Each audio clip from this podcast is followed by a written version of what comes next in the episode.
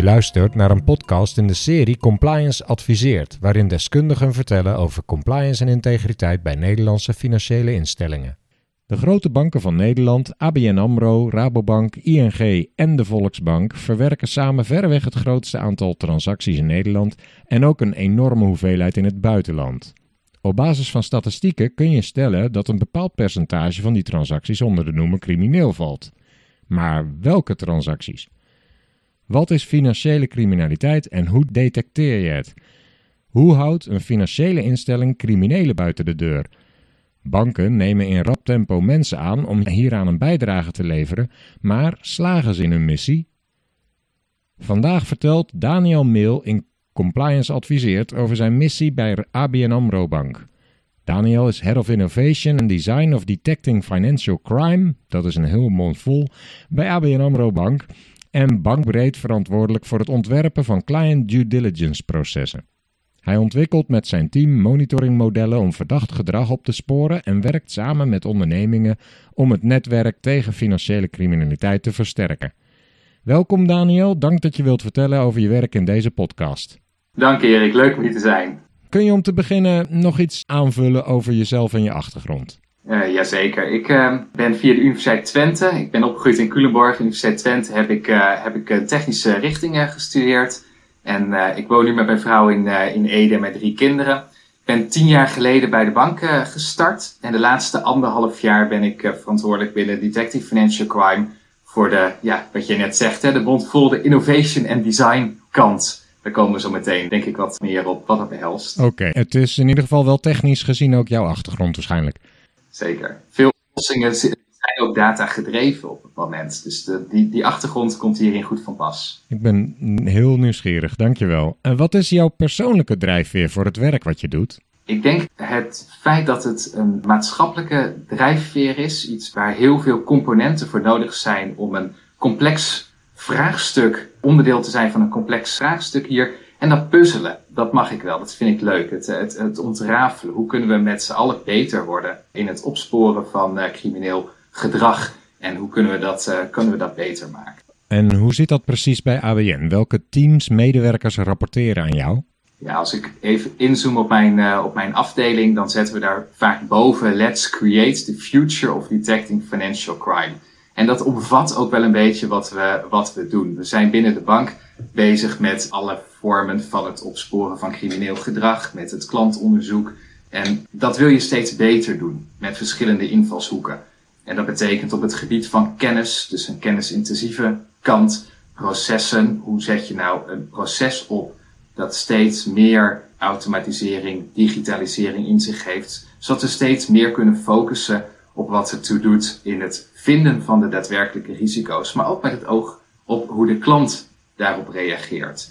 Dat betekent dat we kijken naar de privacy component hiervan, maar ook de verbinding extern zoeken met andere banken, met samenwerkingen, omdat we ook een onderdeel zijn van een ecosysteem. Dit is allemaal gezamenlijk. Dus als je vraagt naar welke teams, dan hebben we dat onderverdeeld in teams die met name op de expertisekant zitten, meer op de processenkant, het netwerkstuk en het data science. Dus met data gedreven oplossingen kunnen we steeds meer en beter zoeken naar wat mogelijk crimineel gedrag is. En even voor de beeldvorming, we zijn geen opsporingsdienst. Wij voeren een deel uit wat we vanuit de bank kunnen uitvoeren op dit gebied. Dus we zijn een onderdeel, een schakel in een groter geheel hier. Met de term detecting financial crime zou je bijna denken dat je een soort opsporingsdienst bent. Maar dat kun je natuurlijk ook beschouwen vanuit de bank om te voorkomen dat je erbij betrokken raakt. Ja, ja, dat heeft vanuit de bankaire context met name met de betrokkenheid te maken, de verdachte gedragingen.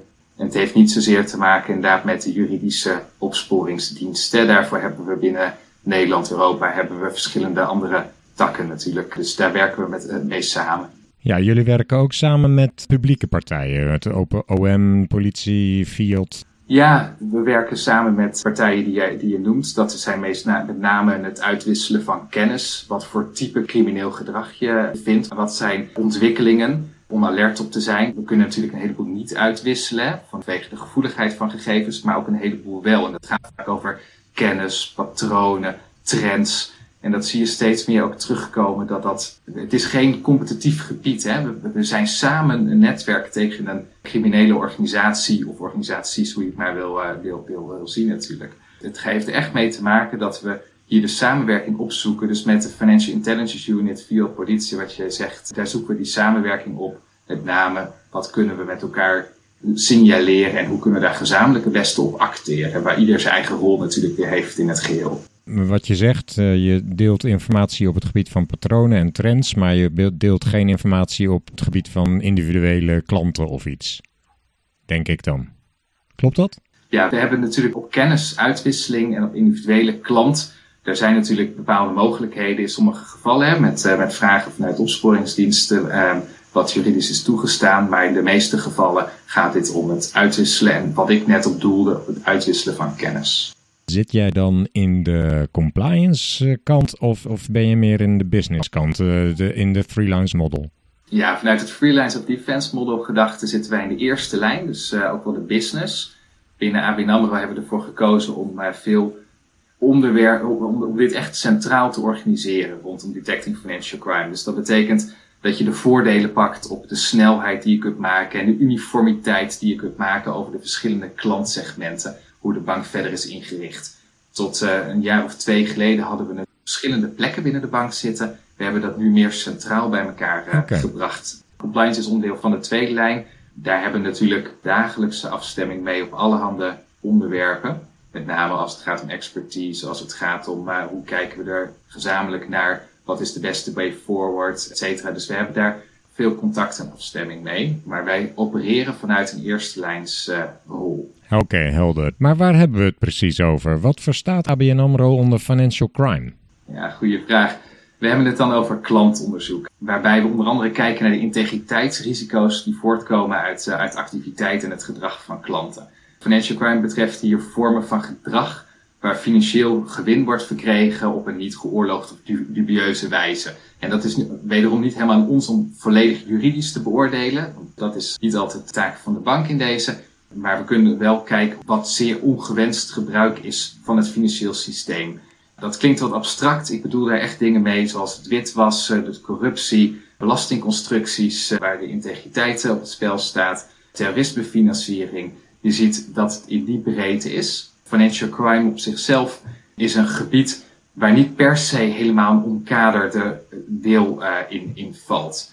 En als je dan, uh, dan verder, iets, iets verder kijkt, dan geven we ook invulling aan de rol die de bank als poortwachter hebben gekregen. En dus dan is de afdeling Detecting Financial Crime met name gefocust op de wet tegen het witwassen en terrorismefinanciering. Maar daar zit ook een wat bredere rol in de breedte. Dat zien wij als onze maatschappelijke rol. Dat we dat wat breder opvatten dan dit was de terrorisme, maar ook verder kijken dan dat. Wat kunnen we doen om het uh, financieel, in het financieel systeem de, het ongewenst gebruik zoveel mogelijk te beperken. Bijvoorbeeld WhatsApp-fraude, om maar een voorbeeld te noemen, of andere typen fraude. Valt dat ook onder financial crime in jouw optiek?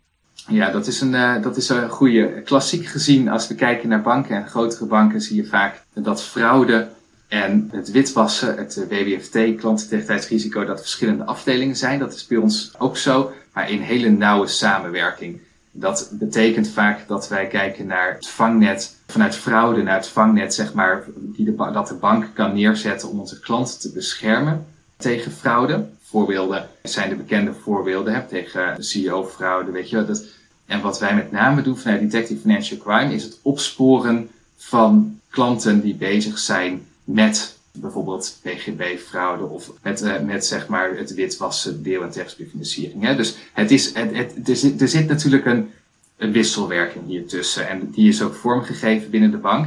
Dus je kunt wel zeggen dat we dat op verschillende invalshoeken hier naar, uh, hier naar kijken op dit moment. En dat doen jullie voor alle bedrijfsactiviteiten en klantsegmenten waar ABN uh, actief in is, of voor specifieke klantgroepen of segmenten?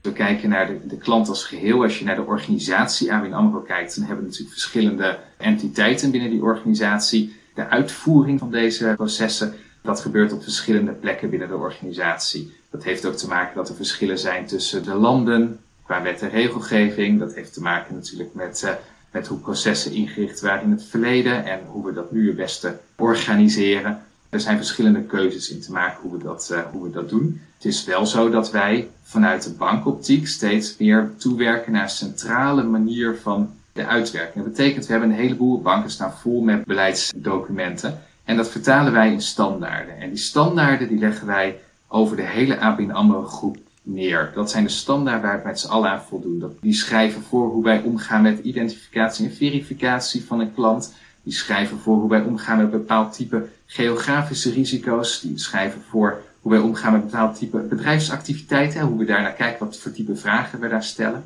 Die zijn wel van toepassing op de hele ABN AMRO groep.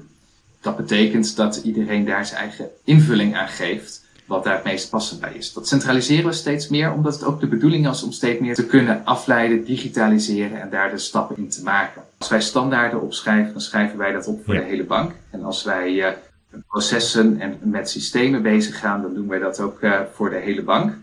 En de, zo maken we die beweging steeds centraler. Okay. Um, dat, uh, dat is voor uniformiteit en snelheid, hè? want zo kunnen we steeds uniformer werken, bankbreed. En zo kunnen we ook de snelheid erin hebben als we dingen veranderen, anticiperen op nieuwe regelgeving, samenwerkingen breder, breder weergeven. Um, het, heeft, het heeft veel voordelen om dat vanuit één manier van denken, één systeem, één type proces te organiseren.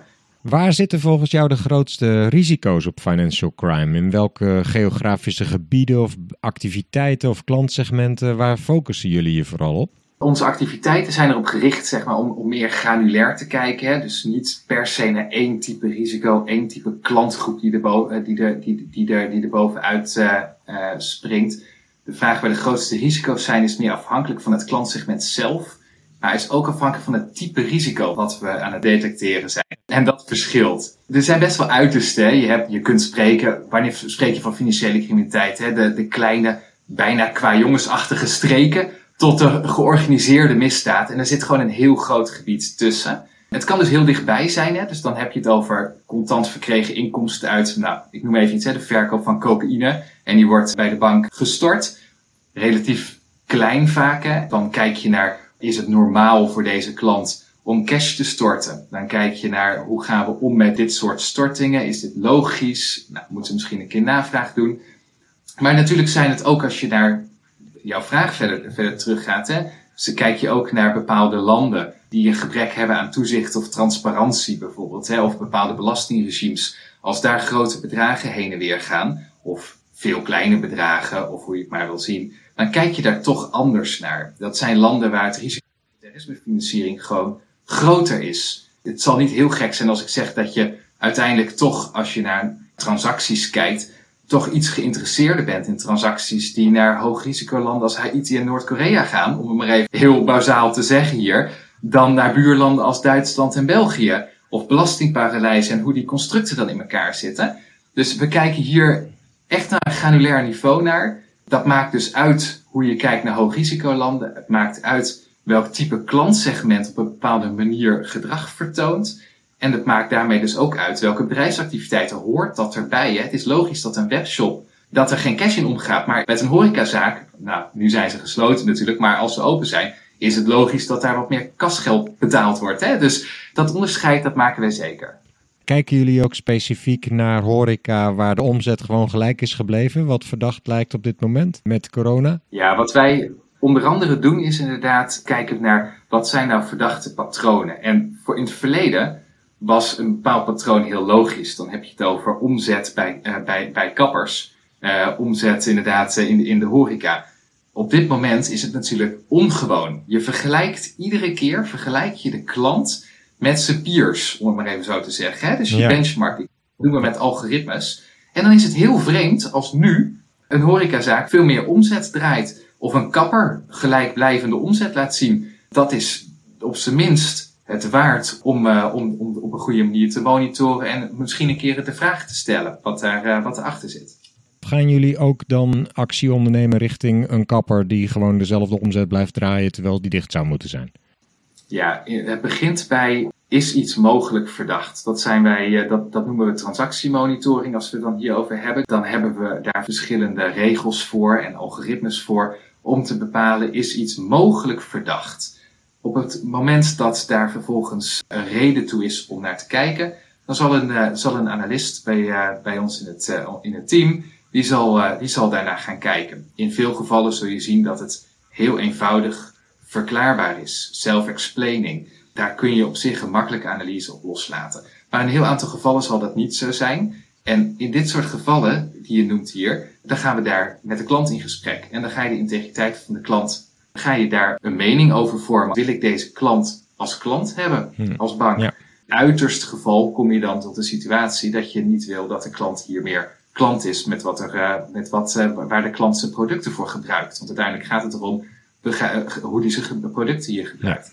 En dat zijn momenten dat je je afvraagt of de klant niet klantaf zou moeten worden. Dat was het hele proces, maar we gaan nog eventjes terug naar. Kun je iets vertellen over financial crime in, in Nederland en of specifiek bij ABN AMRO, uitgedrukt in cijfers of volumes? En ik begrijp dat je het moet hebben over specifiekere typen financial crime, dus misschien moeten we het even over witwassen alleen hebben bijvoorbeeld. Weet je iets over hoeveel procent je daar nou aan uh, zou moeten detecteren? Ja, dat is een mooie vraag. Als je dat weet, dan weet je ook wat je niet weet. Dus die, die kan ik op die manier meetbaar niet helemaal beantwoorden. We zeggen wel vaak, hè, wereldwijd criminele transacties, er zijn deskundigen die schatten daar, uh, die, die maken daar schattingen van. Hè. Dus dan horen we vaak 2400 uh, miljard euro. In Nederland hoor ik nog regelmatig het 16 miljard schatting terug dat gaat vaak over een heel groot deel drugs, uh, drugshandel. Hè? Dus dan gaat het inderdaad om het witwassen vaak van winsten verkregen uit drugshandel. En pak een fair share hè, per bank. Want uiteindelijk als, uh, als, als je dat in het wil, wil verhullen en wil integreren met het, met het financieel systeem, dan zal dat een fair share kunnen zijn. Ik weet dat niet. Dat, als we het wisten, dan wisten we ook wat we niet wisten. Ja, en dat doen wij met best wel veel mensen. Hè? Want we hebben dan 6,6 miljard transacties in Nederland ongeveer en daar is maar een heel klein deel van criminele aard mogelijk. We zitten net als andere banken best wel veel mensen die natuurlijk ja. aan, het, uh, aan het kijken zijn. Hè? 3400 mensen binnen ABN AMRO houden zich bezig met het mhm. beoordelen daarvan. Dus dat geeft al een beetje aan dat het een omvangrijk ja, nou zeg je wat. Jullie zitten daar inderdaad met veel mensen naar te kijken. Uh, waarom doet ABN AMRO dat eigenlijk precies? Kun je daar iets over vertellen? Ja, de, de waarom-vraag, dat uh, is een combinatie denk ik van de rol die de bank is toegewezen gekregen hè, als sportwachtersrol. en het feit dat je als bank natuurlijk een rationale hebt om met de juiste klanten om te gaan. Je wil klanten hebben die zich niet bezighouden met frauduleuze praktijken. Het heeft allerlei uh, redenen die, zich, uh, die zichzelf verklaren, denk ik. Dus het is een combinatie van de rol die de bank heeft toegewezen gekregen, maar ook het feit dat je dat als bank ook zou moeten willen maar ook kan. Hè? Want wij, wij zien heel veel van een klant. Dus wij kunnen ook, als je naar de bredere context kijkt, heel mooi bijdragen aan dat ecosysteem in de strijd tegen crimineel gedrag. En dat is niet alleen in Nederland, hè, dat kun je ook breder, mm, dus zien. Is er een specifiekere doelstelling voor het bestrijden van financiële uh, criminaliteit? Kun je daar iets over zeggen? Misschien in cijfers? Of, of wanneer ben je tevreden met, uh, met je werk als je aan het einde van de week uh, vrijdagsmiddags uh, deur achter je dicht doet?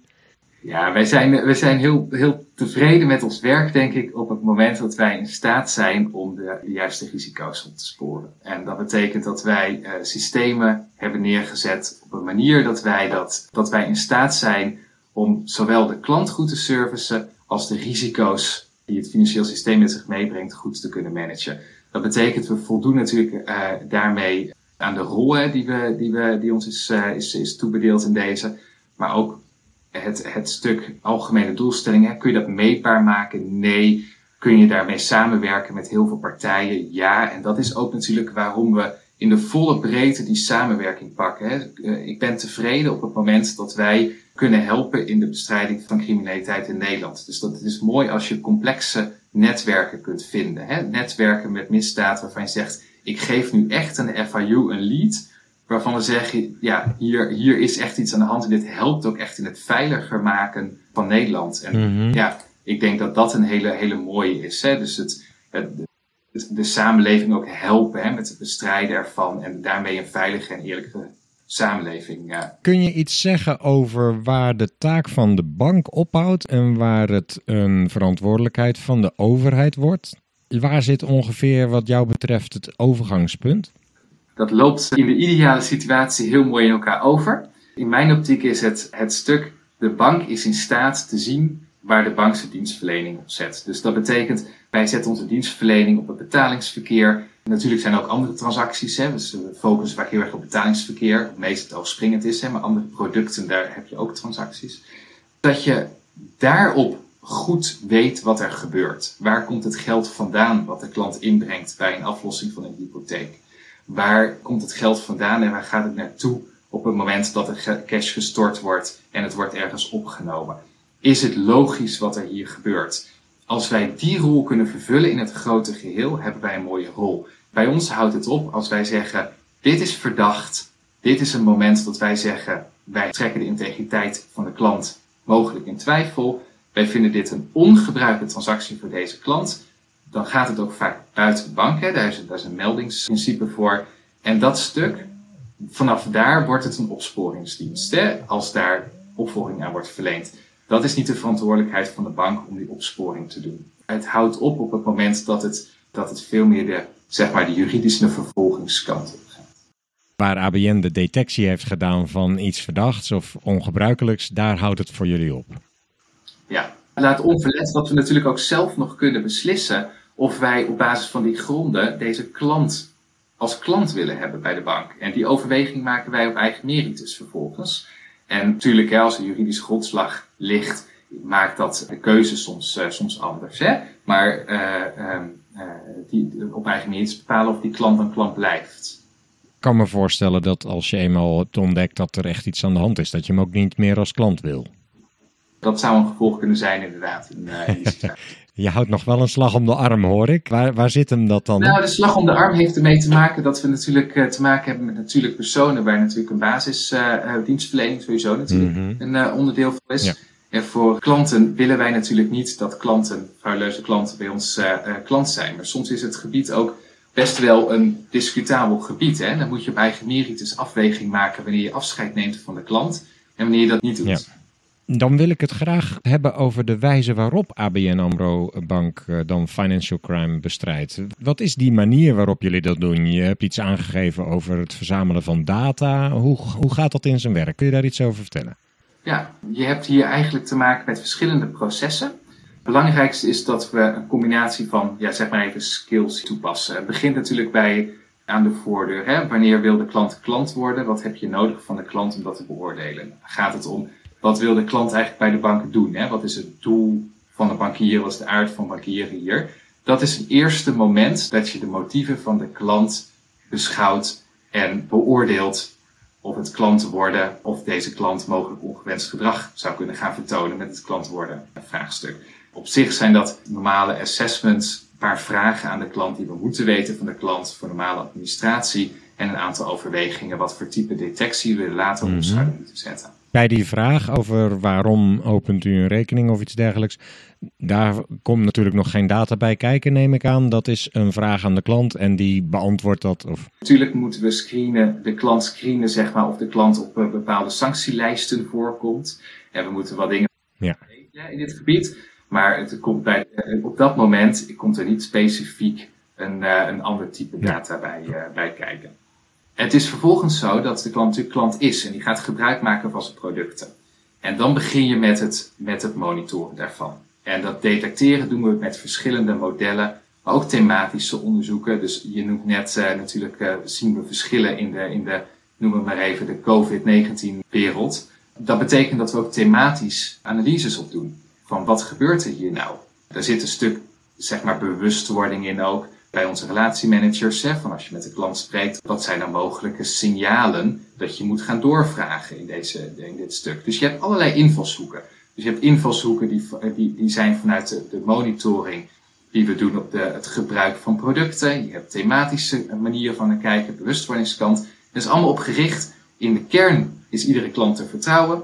Maar uiteindelijk is het, als er verschillende signalen afgaan, dan kunnen we op dat gedrag vragen stellen en kunnen we kijken wat daar aan de hand is en of daar dus sprake is van ongewenst gedrag. En dat, dat doe ik even als een algemene term om te beschouwen dat er mogelijk fraude is, mogelijk witwasrisico, mogelijk corruptierisico, verschillende, verschillende kanten hier.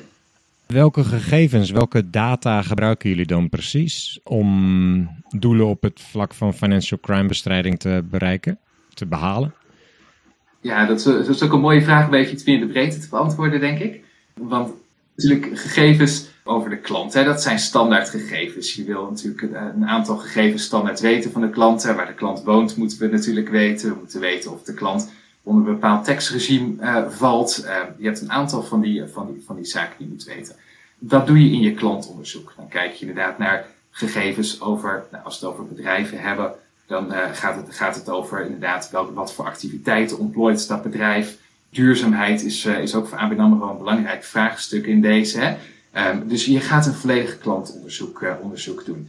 Dat zijn gegevens die je nodig hebt voor de standaard doeleinden, om maar even zo te zeggen. En je verzamelt vragen. Ik had het net natuurlijk over waarom opent u, uh, waarom wilde u hier klant worden? Hè? Opent u betaalrekening vaak? Dat zijn gegevens die we verzamelen voor de meest logische uh, doeleinden hier. Vervolgens is het meeste wat we daaraan toevoegen, dat zijn gegevens die we hebben uit externe bronnen als het gaat om sancties. Externe bronnen als het gaat om adverse media, zeg maar. Hè? Dus uh, wordt de klant ergens, ergens genoemd op die manier.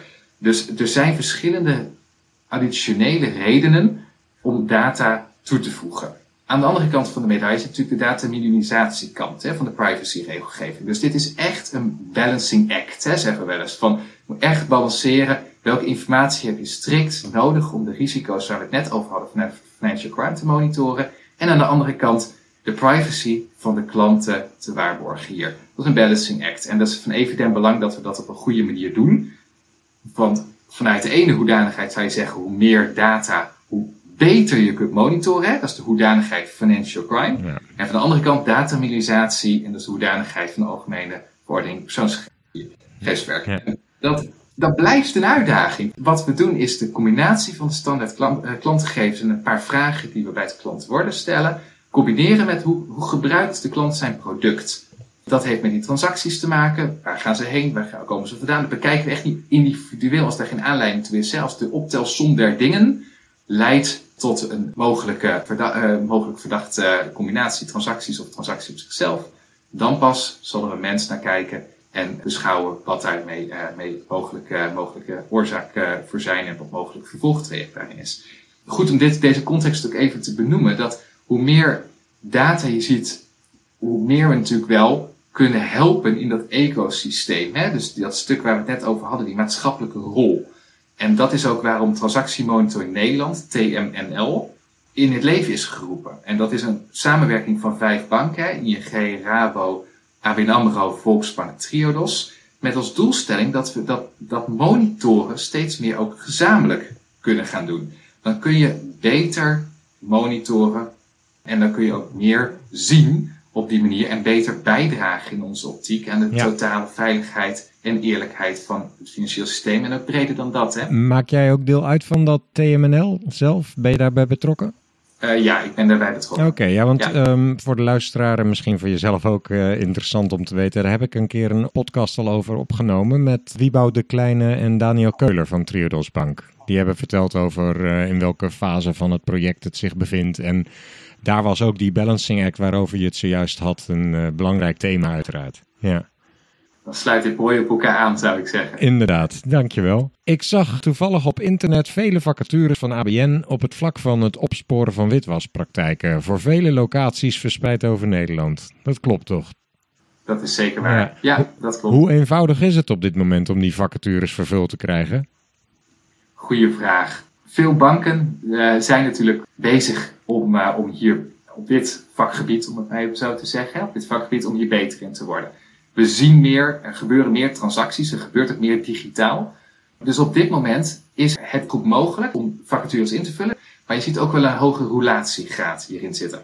Dus het blijft wel een stuk vacatures dat gewoon standaard blijft staan. Gewoon omdat wij meer mensen zoeken, omdat er roulatie in zit. Dus het is goed mogelijk om ze te vullen, maar tegelijkertijd blijft het de komende tijd ook wel nodig om ze te blijven stellen, deze vacatures. En heb jij het idee dat er nu een soort van uh, wet van communicerende vaten gaande is tussen het aannemen van nieuwe CDD-analisten en juist het automatiseren van dat werk? Uh, zou je je kunnen voorstellen dat je toegaat naar juist minder mensen op CDD-afdelingen, maar meer mensen bij de IT-afdelingen? Zou dat helpen, denk je? Ik denk dat het op dit moment in een NN-variant zit. Oh ja. Dat betekent je bent een continu aan het leren wat je aan het doen bent met de menselijke inzichten. En die menselijke inzichten, dat is de combinatie mens en machine, om het maar even zo te zeggen. Dus van die menselijke inzichten, daar leren onze algoritmes van, om het maar even zo te zeggen. Van leren steeds meer wat er in heel veel gevallen, hè, dat er niet een bijzondere reden is om echt een deep dive op deze klant te doen, hè, om bepaalde vragen te stellen. Of waar wel.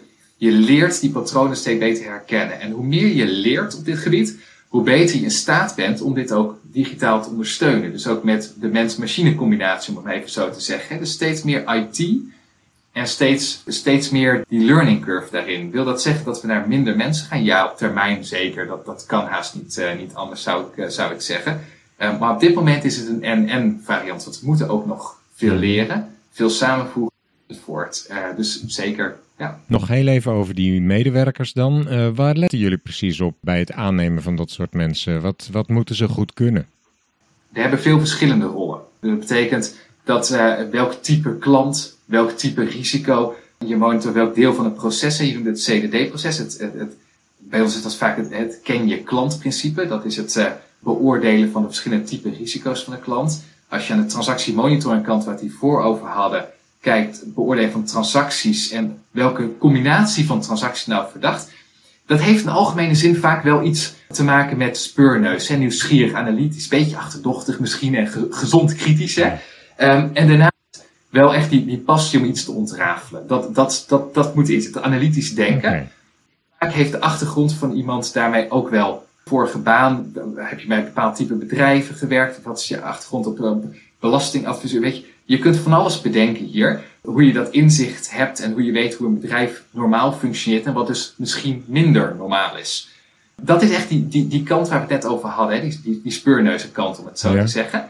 Maar aan de andere kant, waar we het net over hadden, die data science kant, hè? dus dat IT. We zoeken ook echt nog wel mensen die, eh, die, die zeg maar, die, de data science, de analytische kant, die goed zijn in zeg maar dat meer holistische denken, programmeren, het schatten van nieuwe modellen, trainen van nieuwe modellen om je beter in te worden.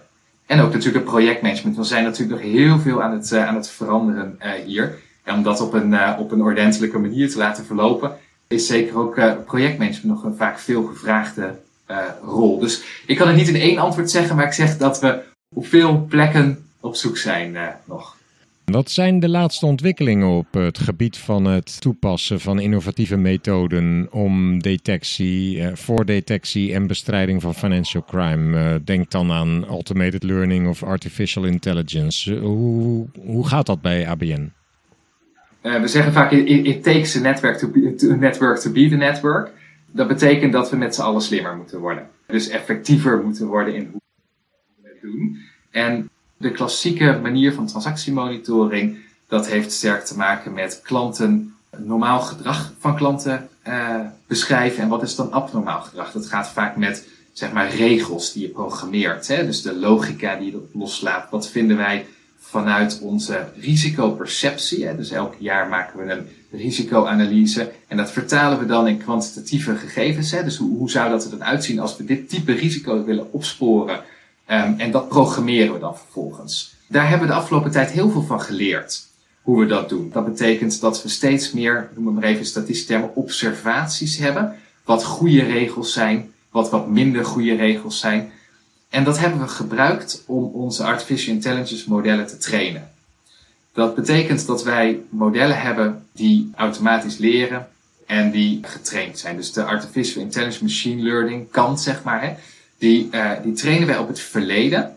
Maar we hebben ook modellen, die trainen we niet zozeer op het verleden, maar die trainen wij op het herkennen van abnormale patronen. Dat noem je eigenlijk unsupervised modellen. Daar stop je niet van tevoren de labels in, om mij zo te zeggen, wat, is, wat zoeken we precies wel en wat niet. Unsupervised. Dus als je het over de nieuwste dingen hebt, supervised uit historisch gebied en unsupervised hebben we naast elkaar werken op dit moment. Natuurlijk hebben we ook nog regels geprogrammeerd. En dat zijn we steeds naar een hoger niveau aan het brengen met voornamelijk de focus op effectiviteit. Dus hoe kunnen we ervoor zorgen dat we wat we niet weten wel gaan weten? Dus wat we nu nog niet zagen aan nieuw type gedrag, crimineel gedrag, die trends, dat we dat beter gaan, gaan detecteren. En hoe kunnen we ervoor zorgen dat aan de andere kant van de medaille dat wij wat minder zinvolle signalen niet meer gaan zien. Daar gebruiken wij onze artificial intelligence voor. En dat geeft ook gelijk aan dat het veel complexer is voor, dan komen we even terug op, uh, op zeg maar, wat de, de kennis en kunde van iemand die bij transactiemonitoring werkt, dat je steeds die complexiteit verder gaat beschouwen. Want het is een veelheid aan factoren die in ogenschouw wordt genomen op het moment dat er een, uh, dat er een reden is om naar die klant te kijken. En dat doen die, dat doen die modellen zelf. Die modellen kijken dus naar een heleboel factoren en bij elkaar opgeteld zou dat kunnen leiden tot, nou, hier is iets verdachts aan de hand, kijk daar eens verder naar. Of heb je een recent voorbeeld misschien, wat, wat het wat levendiger maakt voor de luisteraar, eh, van wat, wat er eh, recent is opgevallen, naar voren is gekomen in dat soort systemen? Ja, het gaat natuurlijk om, uh, om duizenden transacties in korte tijdspannen, dus enig uitpakken is, is lastig. Maar wat we steeds beter kunnen detecteren, dat is op het moment dat er een combinatie is van activiteiten in verschillende landen waar geld wordt verdiend en dat in een ander land binnen korte termijn wordt opgenomen bijvoorbeeld, of dat het eerst door een aantal overboekingen gaat over verschillende klanten, dan kunnen we dat steeds beter detecteren. Dus dan lijkt elke entiteit op zichzelf normaal gedrag te vertonen, om het maar zo te zeggen. Maar we kunnen die keten beter sluiten. Dus waar we in het verleden natuurlijk vaak zeiden, cash storten en gelijk opnemen is een raar fenomeen. Maar op het moment dat het over drie schijven ertussen zit, in een kort, kort tijdsbestek, dan was dat moeilijker te herkennen. Dat kan wel, maar het is moeilijker te herkennen.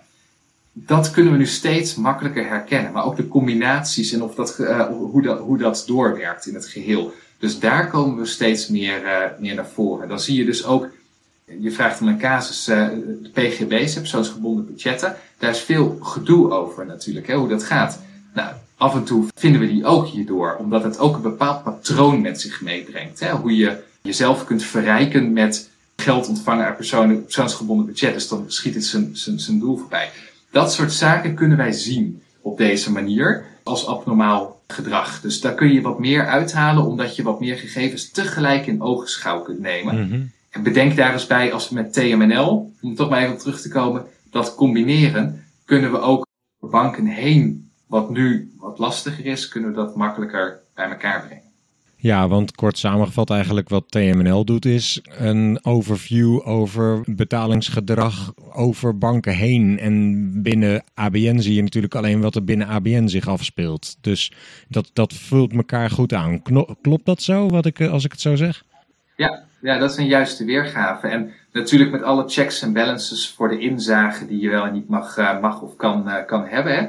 Maar uh, het klopt dat de doelstelling van TMNL is dat we die monitoring zoals we nu per bank doen, dat we die meer in gezamenlijkheid kunnen doen, zodat je dit type patronen, als het over veel schijven gaat, dat je die beter kunt, uh, kunt, uh, kunt detecteren. Nou, dankjewel voor de voorbeelden. Dat maakt het toch altijd wat uh, levendiger dan het abstracte over hoe die systemen werken. Hoe ver gaan jullie eigenlijk met het vastleggen van een verwacht transactiepatroon? En om, om in de gaten te kunnen houden of er dan ongebruikelijke transacties tussen zitten. Hoe, hoe, in welk detail leg je dan zo'n verwacht transactiepatroon vast? Dat is een vraag eigenlijk, de, de omgekeerde vraag van waar we het net over wat wij doen is het zoeken naar uh, uh, het afwijken van het, uh, van het patroon.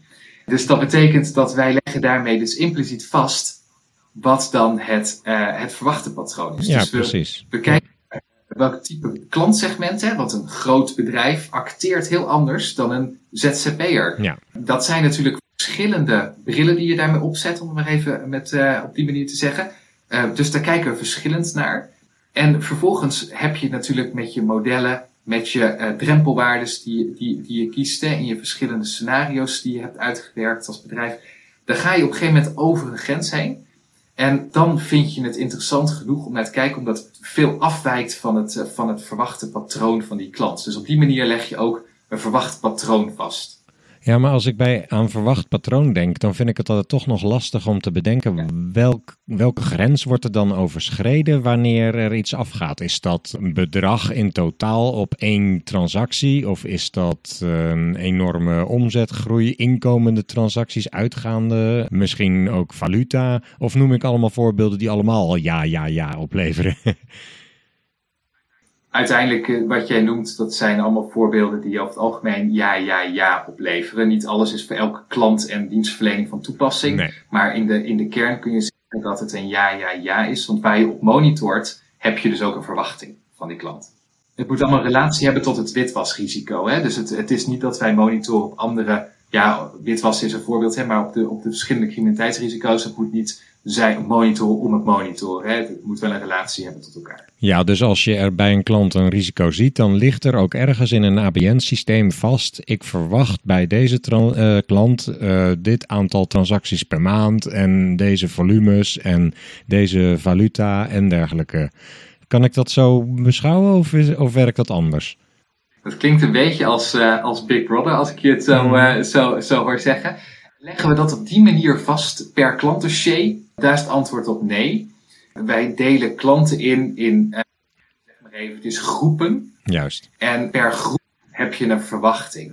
En die verwachting die gaat, het detailniveau wat jij aangeeft, zo ligt het ook niet per se helemaal vast. Um, en het is ook dynamisch door de tijd. Want het, uh, ja, we zien natuurlijk, natuurlijk dat, dat, dat gedrag ook van groepen verandert hè, in de tijd. Maar het is zeker zo dat wij, uh, dat wij op groepsniveau een, een, zeg maar even een normale bandbreedte weten. Dat is normaal voor een klant uh, die, die op deze manier acteert. Dit is normaal in een bepaalde industrie. Dit is normaal bij een bepaald type klant. Um, en dat wordt op die manier, okay. die manier gemonitord. Wordt er ook specifiek gewerkt aan een integere cultuur op de afdelingen waar financial crime wordt bestreden bij ABN AMRO? Uh, zijn er uh, speciale uh, maatregelen die maken? Want, want het is toch een integriteitsgevoelige positie ook, denk ik. Ja, zeker. Die integriteitsgevoelige positie die merk je vooral in de manier waarop wij sommige gegevens moeten afschermen. Hoe we omgaan met gegevensbescherming hier. Maar het is natuurlijk niet zo dat de rest van de bank ja minder integer mag handelen. Hè? Het is een onderwerp van de hele bank.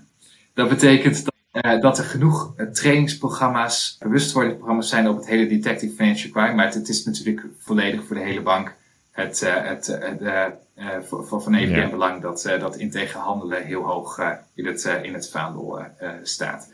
En dat zie je. Maar wat je natuurlijk wel terugziet is dat natuurlijk op afdelingen als deze dat we ons er misschien soms wat meer bewust van zijn wat integer handelen is. Vooral omdat je best wel veel van je tijd kwijt bent met het beoordelen over wat integer is en wat niet. Dus misschien is, de, is het ook wel een soort, ja, soort iets wat, wat, erin, uh, wat er wat meer in zit, wat meer aan de oppervlakte uh, zit. Dat zou ik me kunnen voorstellen.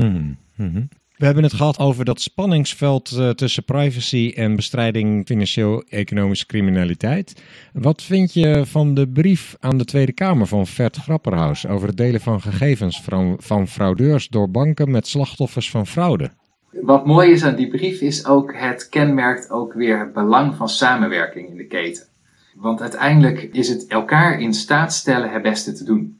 We hebben binnen de bank uh, natuurlijk hier ook uh, een, een, centrale oplossing voor. Hè? Dus dat betekent, wat er staat, is dat als de, het slachtoffer van fraude bij de bank, moet hij natuurlijk het een en ander voor aantonen dat hij heeft gedaan, hè? overhandig dat hij heeft aangifte heeft gedaan, et cetera.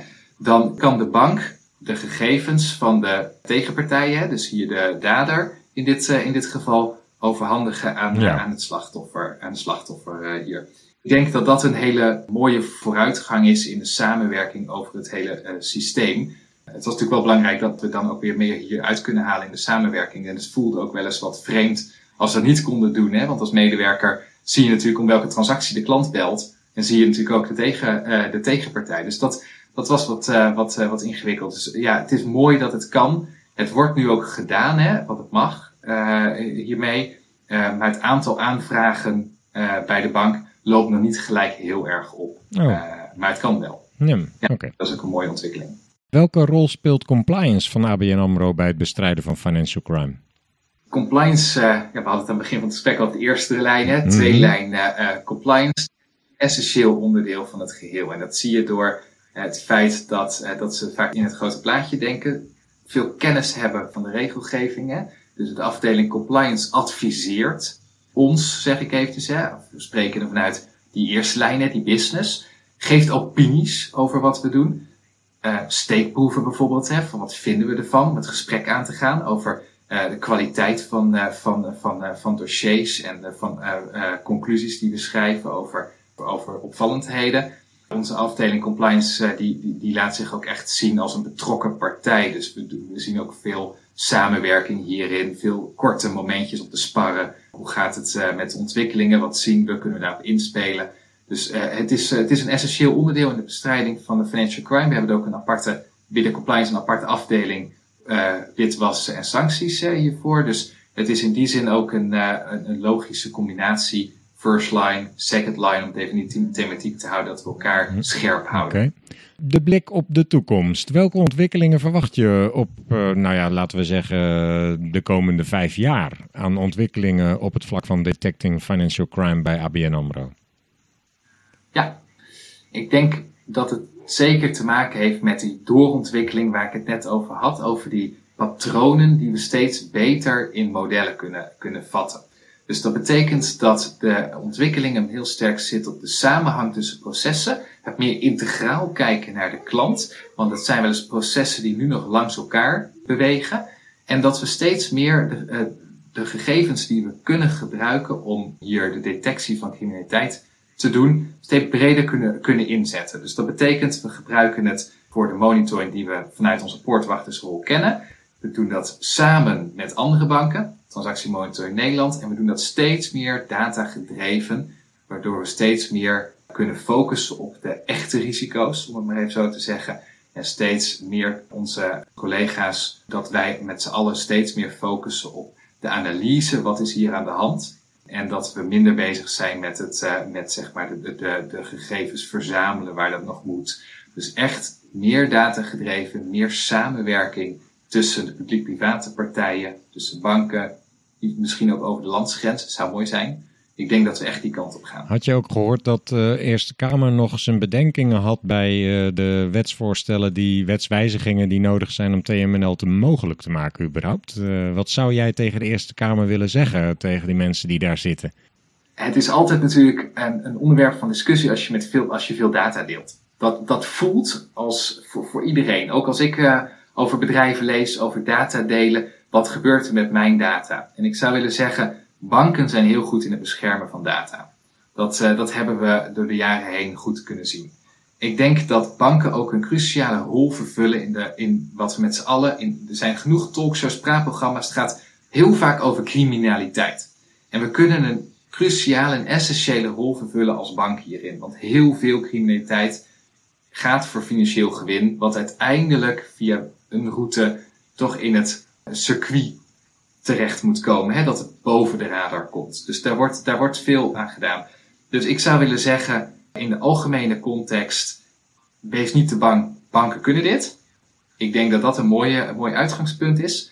En het is denk ik cruciaal in het ecosysteem dat banken ook steeds meer de middelen krijgen en steeds breder dit deel van het puzzelstukje kunnen oplossen. Dus ik denk dat het, die komt er nooit helemaal, maar het is, het is denk ik goed om te weten dat alles wordt gedaan om data goed te beveiligen, dat het gebruikt wordt voor de juiste doeleinden en dat het daarmee een schakeltje is in het ecosysteem. En uh, dat we daarmee Nederland, uh, misschien breder Nederland uh, uiteindelijk, hè, maar veiliger, eerlijker kunnen maken. Hmm, dankjewel Daniel. En tot slot, aanhakend op de titel van deze podcast, wat is je belangrijkste advies voor de luisteraars op het gebied van compliance? Mooi moment zo, zo aan het eind. Ik denk dat mijn advies al een beetje erin in doorgaat doorcijpelt hè, waar ik sta. En uh, dat gaat om uh, het, het, bereiken van het doel. En het doel bereiken, dat kan met allemaal kleine uh, stapjes, maar zolang we maar in ogenschouw blijven nemen, het gaat hier om het veiliger maken. Het gaat hier om iedereen die zijn rol pakt in het totale ecosysteem. En dan niet focussen op per se de uitzondering enzovoort, maar echt naar het grote geheel blijven kijken. geen genoegen nemen met suboptimale oplossingen. En niet, niet laten remmen of beperken door uh, de zaken zoals ze nu zijn geregeld. Maar echt verder gaan kijken. Creatief. Dankjewel Daniel. Dankjewel voor je bijdrage aan deze podcast en ik wens je heel veel succes voor de toekomst. Veel dank Erik, leuk dat ik hier mag zijn. Dank dat je luisterde naar Compliance Adviseert. Heb je met plezier geluisterd? Volg dan op LinkedIn de pagina van Compliance Adviseert. Heb je een vraag of aanvulling? Laat dan ook even een reactie achter op de LinkedIn pagina ik zal het met plezier lezen en wellicht kunnen we op die manier nog meer compliance kennis delen. Heel graag tot de volgende podcast.